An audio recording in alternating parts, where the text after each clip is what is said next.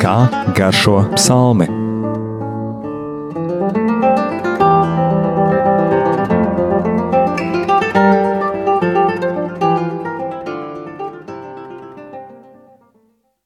Slavēts Jēzus Kristus. Mūžīgi mūžos slavēts. Studijā Stela un Anģela. Kā šodien turpināsim lasīt 31. psalmu un pievērst uzmanību tiem tēliem, tiem simboliem, kas tur ir, jau pat vairāk tajos iedziļinoties, un arī lasīsim psalma noslēgumu, jo psalms, neskatoties uz to, ka var saprast, ka uh, tur ir tā autoram diezgan slikta situācija, iespējams tā vēl nav atrisinājusies, viņš jau slavē Dievu, un šajā slavēšanā ir jūtama ļoti liela cerība, un vēl viņa slavēšanas vārdos mēs varam redzēt arī lielu saikni ar slavenajiem ārona svētības vārdiem, kur gan latviešu tulkojumā vārdu kārtība, varbūt jēdzieni ir savādāki, bet nozīme ir tā paša.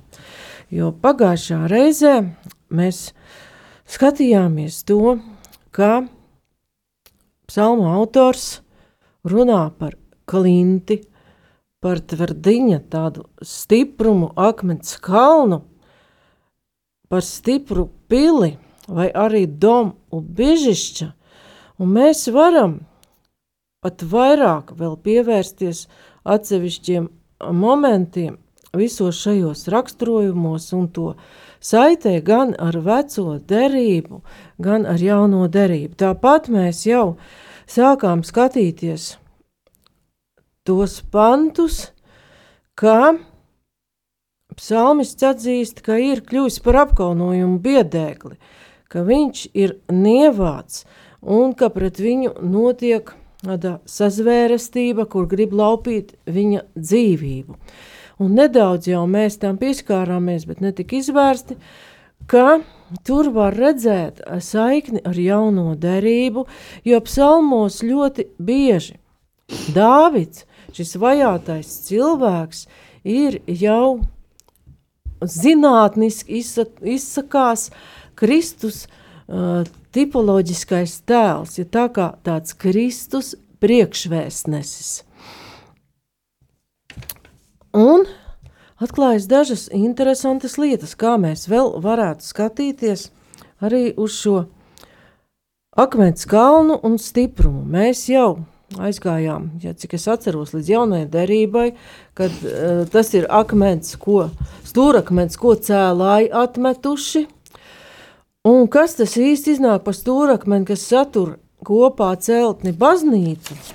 Jo laikam jau pat lasījām tu, uh, pirmā Pētera vēstuli, ja, tur bija tādi diezgan nopietni vārdi attiecībā uz šo stūrakmeni. Un vēl, kas tas ir par akmeni un kā viņš vēl varētu darboties, tas akmens, kurš, uz kuru paļaujas Dāvids, Ļoti interesants teksts ir Daniela grāmatā. Varbūt ir nojausma, par, kurā, par ko apmēram tur ir runa. Daniela grāmatu mēs lasījām, un, kā cerējos, tas arī ir tāds ļoti interesants un cerīgs vārds. Jo Daniels redz, izskaidro sapni, kuru redz ķēniņš nebukatnēcars. Un tur ir tas tēls, kas ir no dažādām sastāvdaļām. Tur viņam ir galva zelta un krūtis vēl no vara, un kas tik tur nebija. Ļoti daudz kas un bagātīgs, bet tur ir viens interesants moments.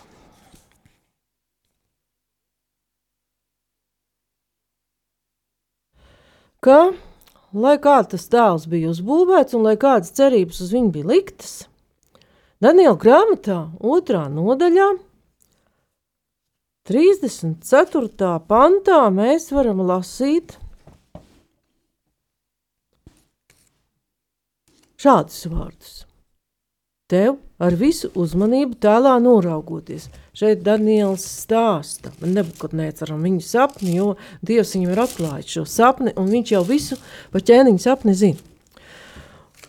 Tev ar visu uzmanību tēlā noraugoties pēkšņi no kalna, bez kādas cilvēku roku palīdzības atraisījās akmens un gāzās lejup. Tas ķēra tēla dzels un māla kājas un sašķaidīja tās. Līdz ar to sašķīda smalkās druskās arī tēla vara – sudraba un zelta daļas, tās izputēja kā pelavas vasarā uz klona, vējš tās aiznesa, tā ka no tām nekā vairs nepalika. Un akmens, kas satrieca tēlu, kļuva par lielu kalnu, kas piepildīja visu zemi. Zinot jauno derību, arī šeit mēs varam saprast, ka šis akmens kurš bez cilvēka, viņš nav cilvēka rokas mests.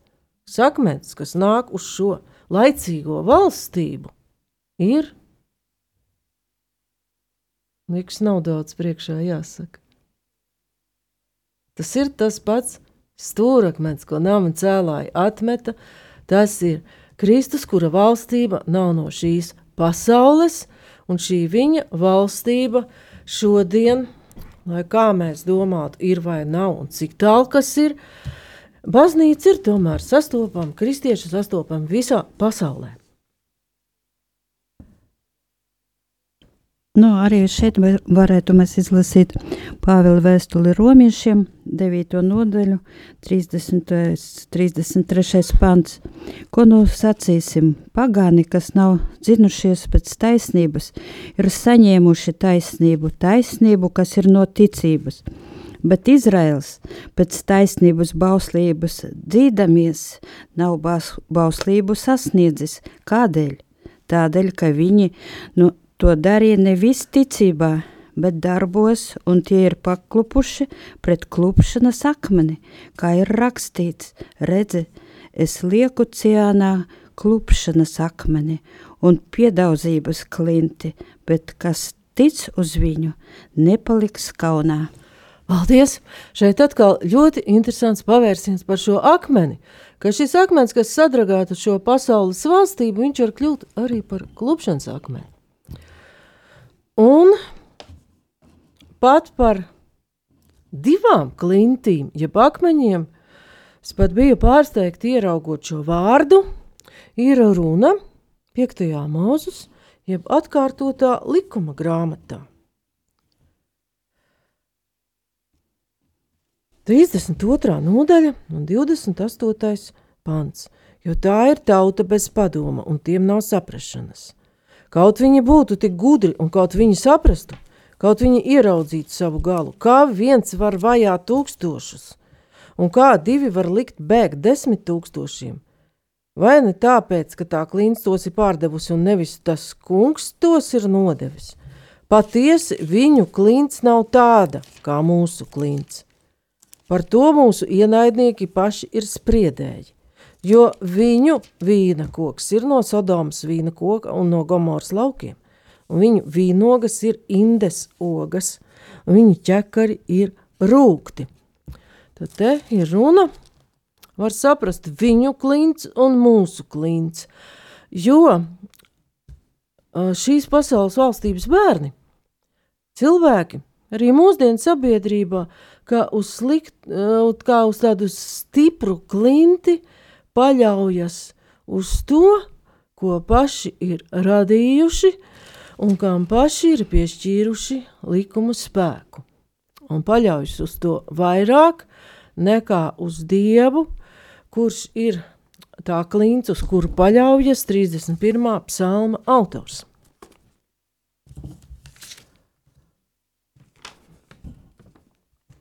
Un arī vecajā derībā mēs vienmēr varam lasīt, ka bieži vien klintīs varēja paslēpties no, no plēsīgiem zvēriem, no visa, un tāpēc bieži vien tā bija kā glābšanas vieta. Un arī Jeremijas grāmatā mēs varam lasīt 48. nodaļā, 28. pantā, pametiet pilsētas un mīties klintīs, Moaba iemitnieki, esiet kā dūjas un līkstojiet klinšu plaisās. Paldies! Kā atkal redzam, kāds skaists teksts, kas aicina cilvēkus norobežoties no tā, kas ir ļauns un izpost cilvēku dzīvi, norobežoties no tā, paslēpties tajā patvērumā, kur dāvā kungs. Un, ja mēs atceramies Kristus piedzimšanu Bēltlemē, mēs parasti iedomājamies, nu, ka tā ir tāda koka ēka, kādas ir kūtiņas laukos Latvijā, bet, ja mēģinām pētīt tuvāk, kas tā kūts īsti bija, tad tā bija klintī atrodama klintī izcirta vai dabiski izveidusies tāda grota, ala, kur, kad bija nepieciešamība, varēja lopus turēt. Tātad arī tāds klints patvērums. Un, ja Dāvids runā, tur klints jēdziens pat saplūst ar to pili, jeb domu biežišķi, tad garīgā nozīmē mēs varētu jau runāt šo patvēruma vietu, ka tā ir cilvēka dvēseles pils, un lai to mēs varētu labāk izprast, tad mums būtu jāra, jālasa tas, kādas atziņas mums ir devusi Svētā Avilas Terēze, ka pašā, pašā, pašā dziļākajā cilvēka sirds vietā mājo Dievs, un tur ir arī šis viņa patvērums no visa, ar ko var uzbrukt apkārtējā pasaule.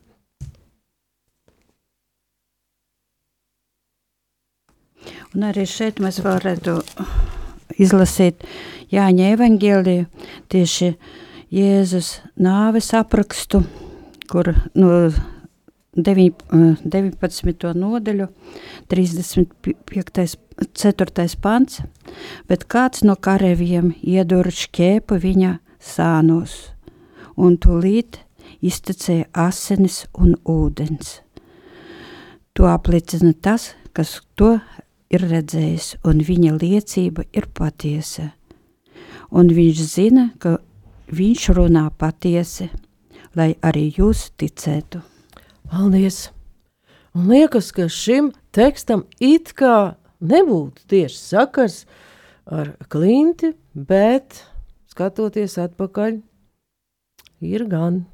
Jo jau vecā derībā, izceļošanas notikumā, Kad Mūzus sita pa klinti un tā deva ūdeni, mēs redzam jau šo pirmtēlu, šo pestīšanas klinti, un zinot šo notikumu, Jāņa evaņģēlijā šo aprakstu, jau varam saprast, kā izceļošanas grāmatā jau ir norāde uz kristības ūdeņiem. Kā ļoti labs vārds, ko mums Anģelā izlasīja, un redzam, cik ļoti saistīts ir svēto rakstu grāmatas gan savā starpā vecajā derībā, gan ar jauno derību. Un tāpat mēs varam uh, lasīt arī pat uh, pašu sāpīgāko tekstu šajā 31. psalmā, kur psalmists runā par to postu, kas viņu ir piemeklējis un kur mēs varam lasīt.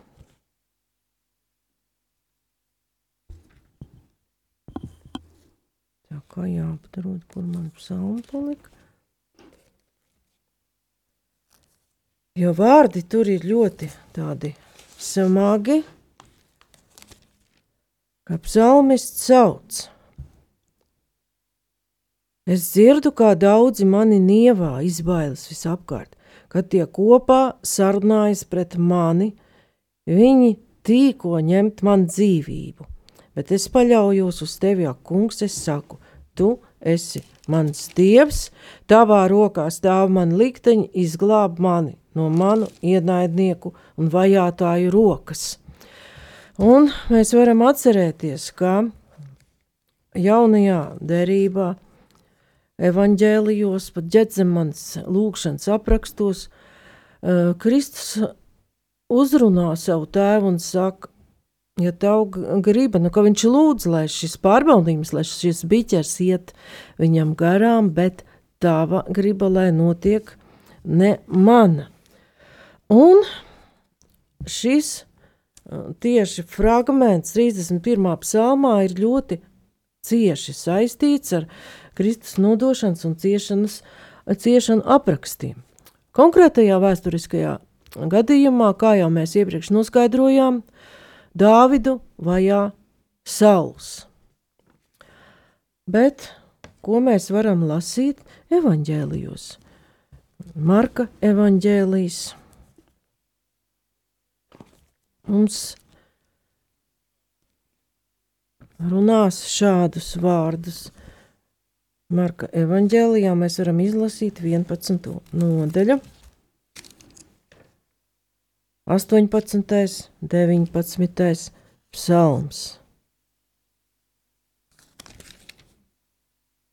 Kad Jēzus izdzen tirgotājus no tempļa, Tātad tā pasaules valstība, tā tirdzniecība jau bija templī iekšā. Un var teikt, templī pirka un pārdeva, mainīja naudu.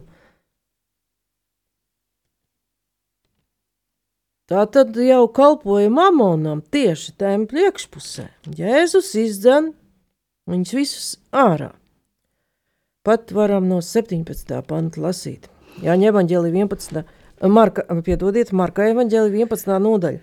Viņš mācīja, un tiem sacīja, vai nav rakstīts, mans nams tas nosaukt lūkšanas nams visām tautām, bet jūs to esat padarījuši par slepkavu bedri. Un raksta mācītāji, un augstie priesteri to dzirdēja un meklēja viņu nogalināt, jo tie bijās no viņa. Tāpēc, ka viņa mācība bija aizrāvusi visus ļaudis. Tad meklēja nogalināt. Arī šajā notikumā mēs varam redzēt, ka mūsu sirdis arī piepildītas ar vis kaut kādām lietām, bieži vien kā tirgotāju namā, un šo arī varam lasīt no Jāņa evaņģēlija, kā mēs varam attīrīt savas sirdis. Tad tā varētu būt 7. nodaļa Jāņa evaņģēlijā, 37. pants. Bet pēdējā lielajā svētku dienā Jēzus nostājās un sauca: Kam slāpst, tas lai nāk pie manis, un lai dzer, kas man tic, kā rakstot sacīts, no tā plūdīs dzīvā ūdens traumes. To viņš sacīja par garu, ko saņems tie, kas viņam tic jo gars vēl nebija dots tādēļ, ka Jēzus vēl nebija ievests godībā. Paldies! Tā kā redzam, Jāņa evaņģēlī aprakstā no Jēzus paša izplūst ūdens, ja vecā derībā no šīs klints izplūst ūdens, un šeit jau cilvēks pats, ja tic Jēzum, var pats kļūt par tādu, no kura plūst dzīvā ūdens straums. Bet nedaudz vēl mēs varam pievērsties arī tam, kas notika ar Jēzu, tam sāpīgajam. Mateja evaņģēlijā 26. nodaļā autors vēl vairāk pasaka par to, kādā veidā gudri cilvēki, it kā rakstu mācītāji farizēji, rakstos mācīti ļaudis, teikt garīgā elite, gribēja tikt no Jēzus vaļā, jo viņa vārdi, un arī, ka viņš izsmieda visu to tirdzniecību no tempļa, viņiem nepatika.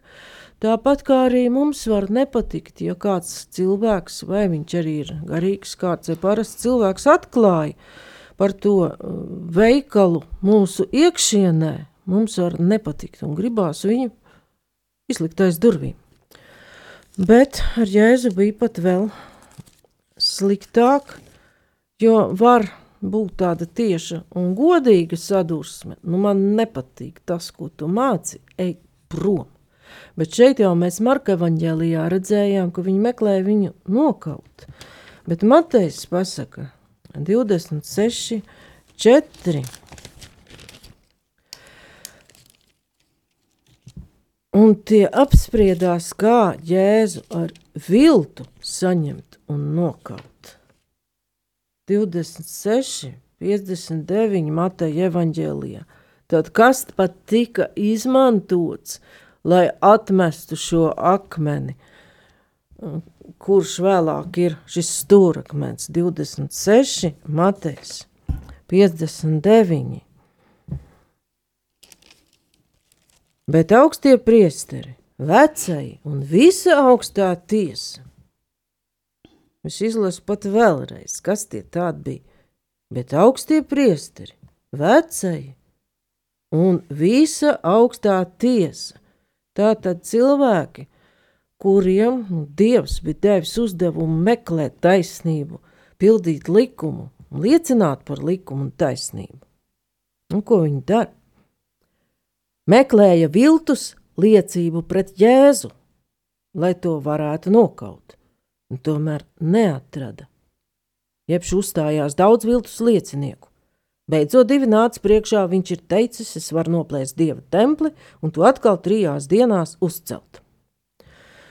Un šajā gadījumā nu, tie divi nāca priekšā un tā pateica. Un turpat sanāk, ka viņi nebija viltus liecinieki, jo Jēzus tik tiešām tā bija teicis.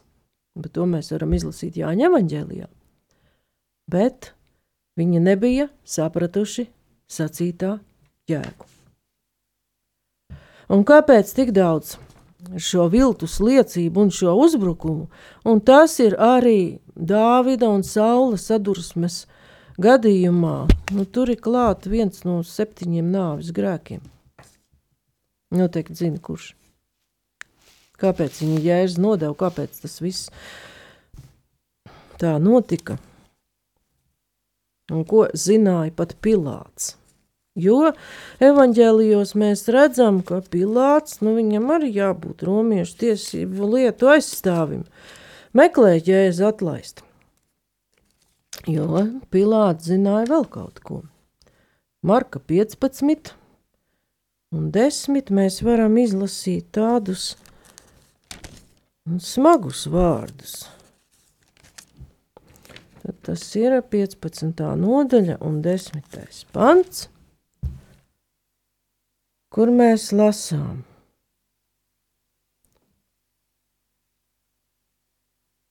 Jo viņš zināja, ka augstie priesteri to bija nodevuši aiz skaudības.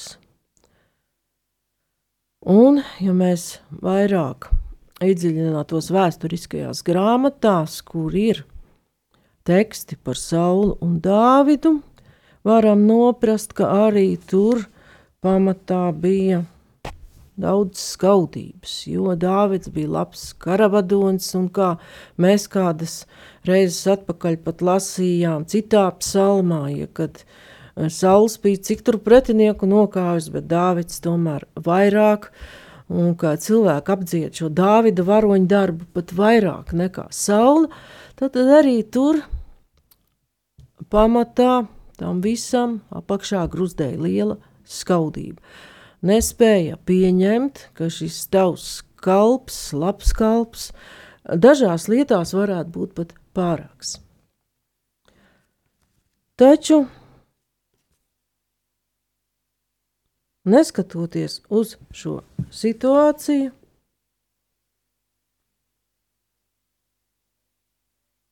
psalma autors tomēr slavē Dievu. Un šie viņa slavēšanas vārdi ietver lielu cerību.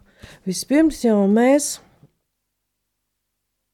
varam atcerēties 31. psalma 17. pantā. Liec spīdēt savam vaigam par savu kalpu, palīdzi man pēc savas žēlastības, lai vaigs atspīd. Jā. Atceries, kas tas ir. Un arī var šeit lasīt Pāvila pirmo vēstuli korintiešiem, 13 uh, nodaļu. Mīlestība nekad nebeidzās. Praviešu dāvanas izsīks, mēlis norims un atzīņa zudīs. Ja, jo nepilnīga ir mūsu izpratne un nepilnīga ir mūsu pravietošana, bet kad atnāks pilnība, bet kad atnāks pilnība, tad beigsies, kas ir tikai daļējs. Kad biju mazs bērns, es runāju kā bērns, domāju kā bērns un spriedu kā bērns. Kad kļuvu vīrs, es atmetu bērna dabu. Mēs tagad redzam neskaidri, kā raudzīdamies atspulgā, bet tad vaigu vaigā. Tagad es atzīstu daļēji, bet tad atzīšu pilnīgi, ka es pats esmu atzīts. Tā nu paliek ticība, cerība, mīlestība. Šīs trīs, bet lielākā no tām ir mīlestība. Šeit ir no, nolasīja Anģela minot visus trīs šos tikumus, un beigās Pāvils izceļ tieši mīlestību, bet Dāvida psalmā vairāk parādās cerība. Viņš saka, kungs, neliec man palikt kaunā, neļauj man piedzīvot vilšanos, jo es tevi piesaucu, lai kaunā paliek bezdievīgie, lai viņi apklust un aiziet pazemē. Nu, tas ir šeolā. Un liekas, ka viņš novēl viņiem sliktu, bet šajā austrumu izteiksmes stilā tas nenozīmē lāstu vai novēlējumu. Viņš vienkārši vēlas, lai Dievs izpilda pie viņiem savu taisnību, lai notiek pēc kunga taisnības. Un tālāk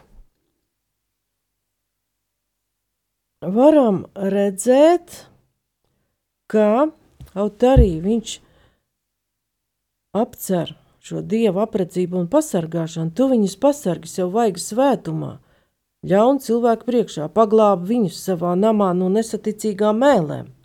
Nu, atkal šīs nesaticīgās mēles ir pieminētas. Varam atcerēties, nu, ko tad notika šīs nodevības, kā tad uh, tur notika šī sarunāšanās, jēzu nodot un meklēt viltus liecību, tas viss notiek ar ļoti mazā orgāna mēles palīdzību. Un Dāvids saka, cik liela ir tava žēlastība, ko tu glabā tiem, kas tevi bīstas, ko tu parādi ļaužu priekšā tiem, kas uz tevi cer. Nedaudz viņam ir šīs šaubas, kuras pārdzīvo katrs cilvēks, ko mēs lasām 23. pantā. Bet es domāju, savās bailēs, es esmu atstumts no tavām acīm. Tā tad Dāvids iziet cauri arī šim tādam kā atstumtības brīdim, ka varbūt Dievs viņu neredz, nedzird, ir kāda iemesla dēļ atmetis, un šo atstumtību uh, kungs kā mēs lasām evaņģēlijos, pilnībā izbaudīja Ģedzemans dārza lūkšanā un arī pie krusta, ka viņš sauc pat kungs, mans dievs, kāpēc tu mani atstājis, ko mēs lasījām kādas reizes iepriekš. Dāvids tomēr atzīst, bet tu uzklausīji manu lūkšanas pilno saucienu, ar kuru es griezos pie tevis.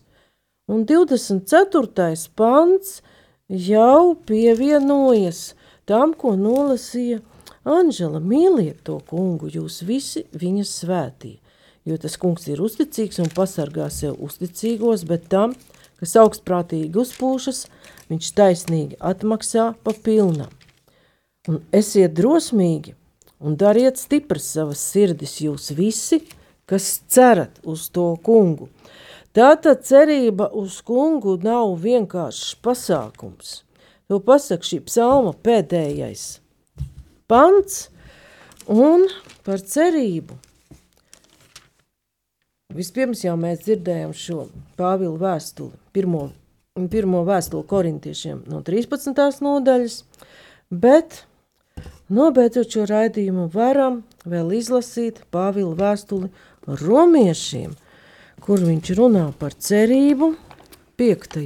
nodaļā un parāda visu šo cerības attīstības procesu. Nu, un tur cerība ir saistīta arī ar ciešanām. Un Pāvils vēstulē romiešiem 5. nodaļā no 3. panta saka šādas vārdas. Bet nevien par to. Mēs teicam sevi laimīgus arī savās ciešanās, zinādami, ka ciešanas rada izturību, izturība pastāvību, pastāvība cerību, bet cerība nepamet kaunā, jo mūsu sirdīs izlieta Dieva mīlestība ar svēto garu, kas mums dots. Tad Pāvils dod psalmista vārdu pēdējā teikuma tādu nelielu komentāru. To, kā ir augusi cerība gan ķēniņa Dāvidas sirdī, gan arī paša Pāvila sirdī un vēl daudz, daudz cilvēku, kas ir ietecējuši tāpat kā viņi. Paldies par uzmanību! Studijā bija Stela un Anšela.